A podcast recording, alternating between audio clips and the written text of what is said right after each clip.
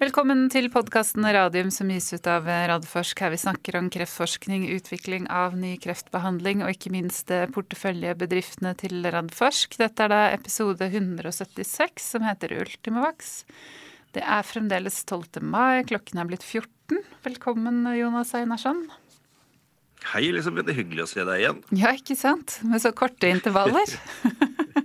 ja. Det er ikke verst på en onsdag. Men nå skal det være sånn eh, langfri, så da ses vi jo ikke. Nei. And very nice to welcome you to uh, Carlos de Sousa, CEO of Ultimax. Um, hi, Elizabeth and Jonas. Uh, thanks for the opportunity to to be uh, again present in the Rod uh, Rodforsk uh, podcast, and looking forward to uh, communicate with our listeners. Good. Uh, how are you on a general basis? Not as the CEO, but more like a human being. Good, good. everything is good. Very, very busy times as as is expected, but uh, everything is going well with um, uh, also with the company. So yeah, that's great to hear. Uh, I think the only news we had since uh, that we are going to comment on is that you you sent out a press release yesterday, Carlos, that you had a new article in Frontiers of Immunology, which is kind kind of a high-end uh, scientific uh, paper. Um, yes, yes, we were uh, very happy um, that we have this opportunity. Uh, it has been, you know, one of the strategies of the company to really uh, publish as much as we can.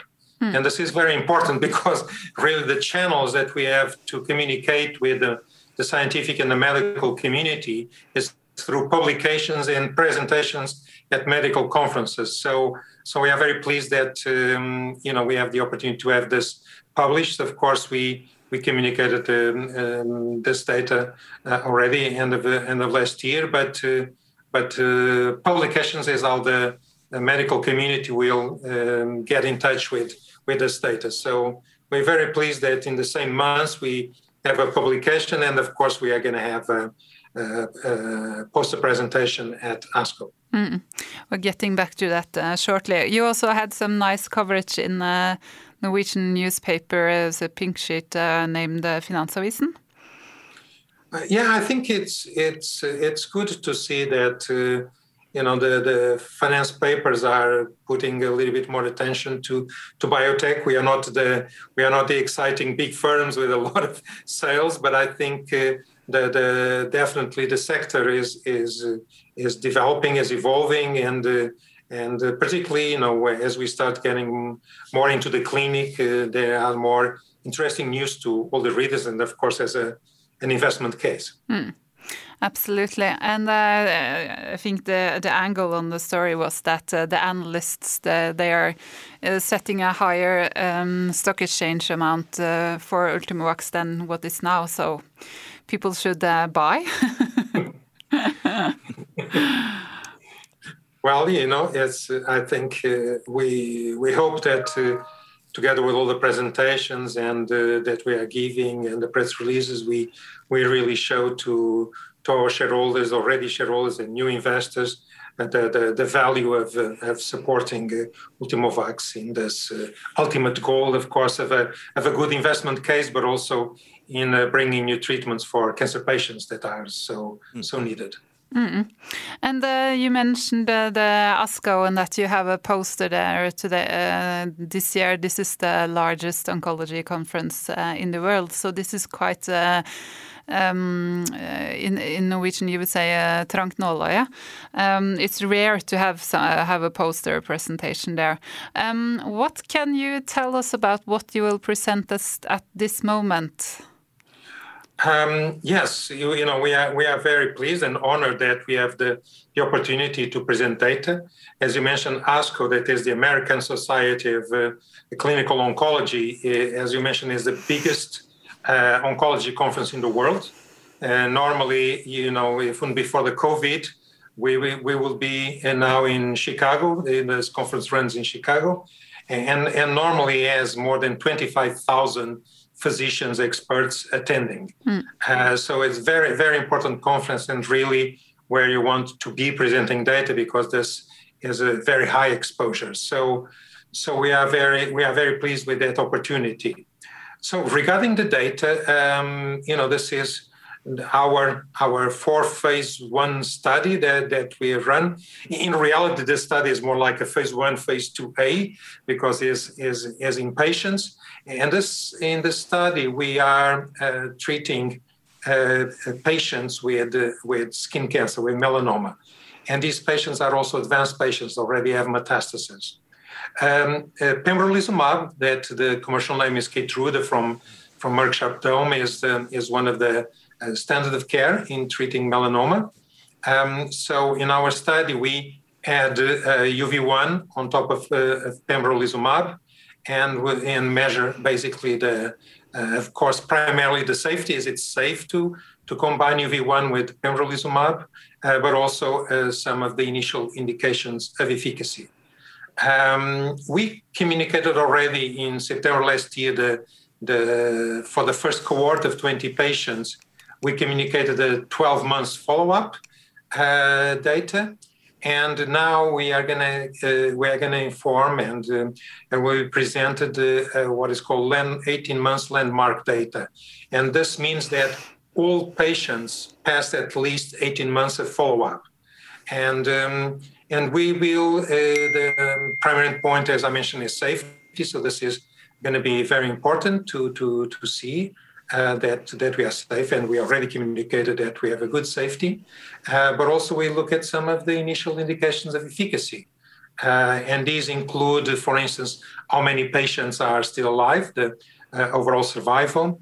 Uh, will include how many patients have responded to the treatment. This means, you know, the patients can decrease the tumor size, and this is called a partial response that the tumors, uh, all the tumor masses can disappear, and this is called a complete response. And when you add these two numbers, you have the, the response rate. So, so this is something that we will also be communicating. Hmm. And then another one, very important one, is what is called the median progression-free survival. That basically uh, tells how many uh, how many months uh, goes from uh, start of treatment until uh, the middle patient uh, moves from responding to progressing. So, mm.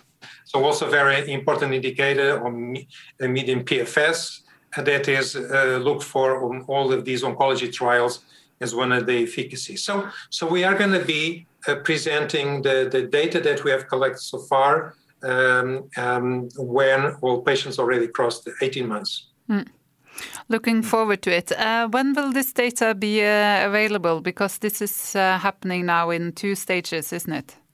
Uh, yes, absolutely. So we are really working intensively in preparing for that. Uh, so uh, ASCO publishes all the abstracts on the 19th at 5 o'clock Eastern Time in the US. That means that it will be 11 at night when we will have a press release uh, with the, with the, the, data that is in the in the abstract. Uh, the next day we will have a webcast to just to discuss this data and and explain uh, to to our shareholders and, and investment listeners, you know, the this data. Uh, but of course, then the ASCO meeting conference uh, will run from June 4th to June 8th, mm. and um, and the poster presentation uh, because of the virtual uh, uh, way that the conference is this year, the, the posters are also being selected as, as short presentations. So these, these will be then made public by ASCO on the 4th at 9 in the morning um, Eastern US time. So this also means 3 o'clock our time. So these uh, poster presentation will also be made public. Mm. And then, of course, in that that presentation, we will um, get more details that cannot, of course, be included just in one abstract. Hmm. It's going to be uh, very exciting. Very exciting. Carlos, yeah. Uh, Carlos, could you also comment that there is something different this year because uh, the, the uh, abstract deadline is in February usually, and uh, it's only the data until February that uh, earlier uh, years has been disclosed on when when abstract is disclosed. But this is different this year. Uh, yes, you know, ASCO started last year because of the virtual. And we believe it's because the, the, the, conference last year and this year is virtual. So when we submit an abstract, of course, needs you know we submit it in January. So at that okay. time, not all patients, not all patients have, have, have crossed the 18, 18 months follow-up mark. So then, so the abstract as the data that we submitted in, in January. So, so the poster presentation will have more updated uh, data. And what ASCO did this year is that normally we will only be able to uh, um, disclose the, the, the, data that is in the, in the abstract, uh, but then they allow us for the set of data that is in the abstract that if there are any updates, uh, that we can we can do it. And, and so we will be doing that. Mm. so uh, so people will see that the, the, abstract and the press release will look uh, just uh, slightly different you know but uh, just because of that reason mm. good yeah looking forward to that uh, already next week actually and you will also be joining the podcast here on on thursday to also talk a bit more about the data. Absolutely, absolutely. Looking forward to it, and of course, uh, the the opportunity then for for the listeners to to pose any questions. You know, mm-hmm. it's important that. Uh, everybody has a good understanding uh, the data and how to interpret the data. Yeah. So we will try to be as clear as possible on that too. Good. Um, yesterday you had the Q1 presentation, also the results of the first quarter this year. Uh, what has been the highlights? Well, I think you know we, continue the trend. We had a very successful 2020, and I think the, first quarter was also quite successful. Um, you know we right at the beginning of the year and the quarter, we finally gave the details on the collaboration for uh, one of our phase two uh, trials, the DOVACC trial in uh, patients with ovarian cancer, where we uh, collaborate with AstraZeneca when, and with the Nordic Society of Gyne- Gynecological Oncology. So very important um, uh, study. So that that was a, a, you know a perfect uh, start of the year. Um, the other one also is that we we initiated um, the first clinical trial with a product coming out from our second platform you know, the, the TENDU trial that is being run at Oslo University Hospital in patients with uh, uh, prostate cancer. Um, we, uh, we, of course, also uh, continue to enroll patients. So that was, that was very important, has been an extraordinary effort from the team. You know, uh, we all know how the pandemic has been impacting our, our normal uh, daily lives but of course, those challenges are even bigger for cancer patients and for uh, hospitals treating these patients. Um, so, we, so we were very pleased that uh, despite all these challenges, uh, we were able to to continue to enroll patients in the in the INITIUM study uh, that is in, in patients with skin cancer and in the NIPU study in patients with um, mesothelioma. There's a type of uh, uh, lung cancer so um, so that that was very that was very good and now as you know more more patients uh, start to be to get already vaccinated and we see we have activated more hospitals so we we hope that uh, you know this uh, enrollment of patients will start picking up as as we progress hmm. good so the, these were the key highlights and of course you know the already the, the, the, press release announcing the, the, the poster presentation at ASCO. Hmm. Uh, Jonas, you're the chairman of the board of Ultimovacs. What's your comment on the first quarter this year? Well, I'm I'm really impressed with Carlos and the team. Uh, I mean, I'm involved in a lot of these companies, and there has actually been a lot of big hurdles in the recruitment uh, of of patients in in a lot of studies so that uh, we are almost on track in what we foresee before the, the pandemic. I, I think that is uh, that is really good, and it also shows that uh, the, the clinicians and the PIs are really eager to get these studies uh, going. So uh, uh, I'm, I'm, really pleased that we, we, we could report these numbers now. Mm. Good. Um, Carlos, uh, Ultimovacs has an extensive clinical program. May you give us an overview of all the clinical studies you are involved with. Yes, absolutely. So it's it's quite an ambitious uh, program for a for a small biotech like us. Uh, so we, of course, we have this phase one, two A study that we are going to report uh, at ASCO. Um, but then, uh, importantly, we have now uh, four phase two studies, um, and uh, these four studies will enroll in total more than 500 patients. So this is a big number of patients that we are um, already enrolling or are going to start enrolling. So the, the, the first study, uh, they were already touched base a little bit, the INITIUM study. Uh, this is uh, in patients with, uh, uh, with skin cancer, also mm. with metastasis, so advanced. And, um, and in the study, we started enrolling patients in June of last year. Um, and uh, we combine UV1 with ipilimumab and nivolumab. They, they are part of the standard of care. These are drugs that are marketed, commercialized by Bristol Myers Squibb. And, um, and, and here is, um, again, it's a very important, uh, very important uh, study. Um, then uh, a second study um, that is um, organized and run by uh, the uh, Oslo University Hospital and, and the network of um, cancers cancer centers treating particularly mesothelioma. Mesothelioma is a, is a type of uh, lung cancer, particularly that happens in people that were exposed to asbestos. Um, you know, although asbestos has been uh, disappearing from construction, you know, some time ago, unfortunately, normally the manifestation of this disease happen many years in, in the future. So we have this study uh, also enrolling patients and uh, moving moving quite nicely. In addition to uh, to Norway, Denmark, Sweden, we also have Australia, that is a, a country with very high exposure to, to asbestos and high incidence of mesothelioma. Then we, we, as we announced, very pleased that we have the DOVACC trial. This is the trial where we are. Um, so in the NIPU trial, we collaborate with Bristol Myers Squibb. They they provide EP ipilimumab and nivolumab, and we provide UV1. In the DOVACC trial, we collaborate with AstraZeneca, and uh, AstraZeneca supplies two of their compounds, olaparib and durvalumab. And olaparib is the standard of care to treat ovarian cancer. Uh, so we, we all these studies are comparative trials, and this study is now going through the process of uh, the protocol being approved by the authorities and the ethical committees.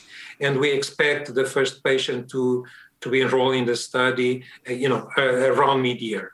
Um, uh, we are very also pleased with this study because we, we always being uh, run by the Nordic Society of Gynecological Oncology. They are part of a big umbrella organization uh, called ENGOT, and we have a very high interest from a multitude of countries. So we have more than 10 countries participating in, in this trial. So also uh, very rewarding to see the interest from from these uh, oncologists to, to use UV1. And then we also had communicated another fourth trial, the FOCUS trial. This is a trial in combination with pembrolizumab, as I mentioned, the commercial name Keytruda. It's going to be run uh, all in the in Germany in patients with uh, head and neck cancer. It's a very a very tough type of cancer patients don't have a good response. So we, uh, a group of patients we treated with pembrolizumab alone, and then we have another group where we add uh, UV1 to pembrolizumab. So, so this is, you know, a lot of activities, a lot of patients, um, but a very, a very complete program. Mm. And, and this is basically to support our strategy. We want to show that UV1 can be used across a multitude of, uh, of solid cancer types, what we are doing, but also particularly that can be combined with different classes of drugs. You know, and, and here is important that then for these type of uh, different types of cancer, you have different standards of care. So we just want to show that it, it doesn't matter what is the type of cancer and it doesn't matter what is the, the standard of care. Uh, we want to show with our phase two that we can be used in combination uh, with different classes of drugs and in multiple types of cancers. Mm. And then you also have the the TET platform and the, the phase one study starting up here in here at the Radium Hospital, right next door to where I'm sitting. Uh, yes, yes. So uh, also very exciting that we that we are now moving into clinic.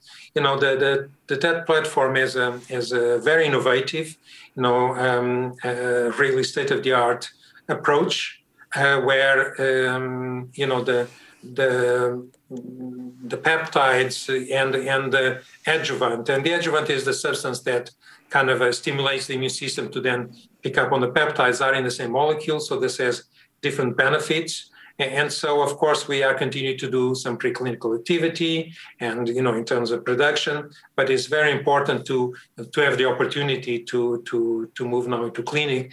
And the data that we are going to get from, uh, from the study uh, is going to be important for the continued development. So we have now enrolled the first three patients, uh, and this is the first cohort with a lower dose. Uh, so after this, there's the three patients, there is independent safety monitoring board, and then they will look at the data and say, it's, if it's safe, then okay, you can proceed to the to the second cohort that will have a, a higher dose. So so we are going now to be in that in that step. Hmm. So and we will inform the market when uh, when the um, on the decision from this uh, independent safety monitoring board. Hmm. Good. Um, what can you tell us about the financials, financials at this point of time? well, of course, you know, the financials in the biotech company are not the most exciting part of the news. Uh, I think, you know, um, we we primarily invest money to to then really get these this data. Uh, but I, you know, a couple of a couple of um, you know summary points there. I think you know we we continue to keep you know a good good control of the expenses. You know, of course, the big the the big part of our expenses are around the research and development, the clinical studies. This is this is the, the, the big one. So not not major differences between this quarter and and the, the same quarter last year. But of course, you know we expect that um, you know in the further further down in the year these these expense these uh, expenses will increase because of course we have two new studies and we have more patients but that's the natural the natural uh, consequence of basically being a, a, very active company in producing data. Um, besides that you know it's just the normal uh, you know bringing new people to to the company you know including myself and and of course that I started in, in June, but also with Tom that joined us in December as chief business officer. So that's also the natural um, development of a company of our size that is growing. And so we will need to bring more people, but of course always on a controlled way. So so uh, you know no no major news on the financial part. I think the the important uh, point to to to highlight is you know at the end of this quarter you know, we have uh, 409 million NOK, you know, in cash. And this is important because this finances, you know, uh, for, a, a, good, gives us a good runway and finances to, um, you know, to towards 2023 when we start getting the, the data, the top line results from the study. So it's a very good uh, place to be, and um, you know, in terms of the the current uh, cash position. Mm. Good. That's great to hear. Uh, looking forward, if we should uh, sum up, what are the milestones to look for? Well, you know, it's uh, of course, you know, the next month is going to be a very, a very intense month, as we already discussed. So that's going to be very important. But then, of course, that the study that we are talking about, the study in combination with pembrolizumab, that in the fourth quarter we are going to have the two-year follow-up for the um, for this first cohort, the one that we are now presenting 18 months. But we will also have then the one-year follow-up for the second cohort of 10 patients um, that has a higher dose of the GM-CSF, the adjuvant. So, so the fourth quarter is going to be uh, also very important because then we will we will can consolidate the, the data on these 30 patients. Mm-hmm. And 30 patients, uh, 20 patients is very good number for these type of uh, studies, but 30 will be even better. So that's uh, that's uh, that's very good. of course, we are also going to have also in the in the fourth quarter the um, the initial interim safety data from the TENDU study, and and early before that, you know, as I said, mid-year we will have and we'll inform the market when the first patient is enrolled and treated in the DOVACC trial and in the FOCUS trials. So, so mid-year is also going to have news uh, on that front. Hmm. And of course, as as you saw yesterday with uh, the, the publication, The Frontiers in, in Immunology, uh, we will continue to look for opportunities to uh, publish data and present data. Hmm. So quite a lot of news actually coming during the next months and during yes, 2021. Yes. That's great. Um, do you have any uh, thing to add, Jonas, before we move over to the questions from our listeners? No, I actually think uh, Carlos has uh, covered uh, this very good. this company is actually, though I am the chairman of the board, I will say in in a very good place. I mean, this extensive clinical program, I, have never seen anything like that in a company at this major stage. I mean, four randomized studies, 500 patients. Uh, coming up with, with data and, also uh, there will always be new data because we follow up the patients in, the first uh, trials like we, did with this publication in Frontier now. So it's a really exciting times for, for to, to be a part of Ultimovacs. Good. And Elizabeth, so just before I move to the Q and A, you mm -hmm. know, uh, we we uh, you know I I really um, you know tell our our investors and shareholders to look at the press release we also had yesterday with all the the, the places where they can uh, where we'll be communicating just as um, a refresher you know so um, so 11 o'clock at night on the 19th we will do a press release on the abstract and we will have an, a webcast the, the next morning at 10 o'clock where we will discuss the, this abstract. And and then you know, I will be here again, participating in a podcast where we can have again another another uh, place to to to answer Q and A from from uh, from the, your listeners, and, and, then we will also be presenting that evening at the Sachs Immuno-Oncology Conference um, that normally runs around ASCO, but is also virtual this year, where this will be uh, the, the, the first opportunity to present the new data when I present the company, and um, and also additional presentations the, the following week. So um, just you know take. Uh, I really um, tell people to take these opportunities, particularly the webcast and the podcast, to if you have questions to send in advance and to uh, to to really uh, enter into a dialogue with us. And we want for everybody to to really have a good understanding of the data. Mm. That's good. Um, moving over to this uh, today's questions. Uh, first one, will you update the market as soon as your phase two studies complete enrollment, or will this be done only in the following quarterly presentations? Um, our approach when it's related to clinical studies, particularly this phase two, where we cannot be communicating data in between, um, and we will do that with DOVACC and Focus when we announce to the market when we enroll and treat the first patient. And we also announce to the market when the last patient is enrolled in the study. Okay. So we did we did that for for this current study. So that will be um, uh, uh, communicated to the street when the first patient is is enrolled. Um, and then, of course, the number of patients that we, as uh, you know, I don't think a lot of companies do that, but we decided to do that. We inform the market every quarter uh, on the number of patients that are enrolled. Hmm. And the next question Have you shared the data you will present at ASCO with Merck BMS already, or will this be new to them as well on May 19th and June 4th? You know, I want to thank for the question, but this is the type of question that, uh, you know, uh, I'm not I'm not uh, able to answer. No, I understand. Um, next question: How is a phase one cancer vaccine trial done? How long after the vaccination do you have to wait before the data monitoring committee can decree the dose level safety? Well, this is you know um, so this was decided for for UV1. This was you know uh, we had the first two phase one studies was uh, UV1 as a mono treatment.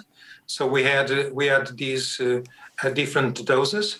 That's what we are doing now with the TET, as I explained. So three patients are treated at a lower dose, and then the, the safety monitoring board says there's no issues, then we can move to the next cohort, another three patients, uh, using TET as an example, where they will have a, a, higher, a higher dose. And then if there's no issues, then you move to the expected dose. So, um, so that is what happened with the first the first studies. After you prove the safety, what we did with UV1 in the first studies, uh, then uh, then basically um, you know we track safety as we progress with the clinical trials, but there's no more. Uh, uh you know, we have we have uh, safety uh, independent safety boards that look at the data for all studies, and normally, if there's no issues, they will just continue.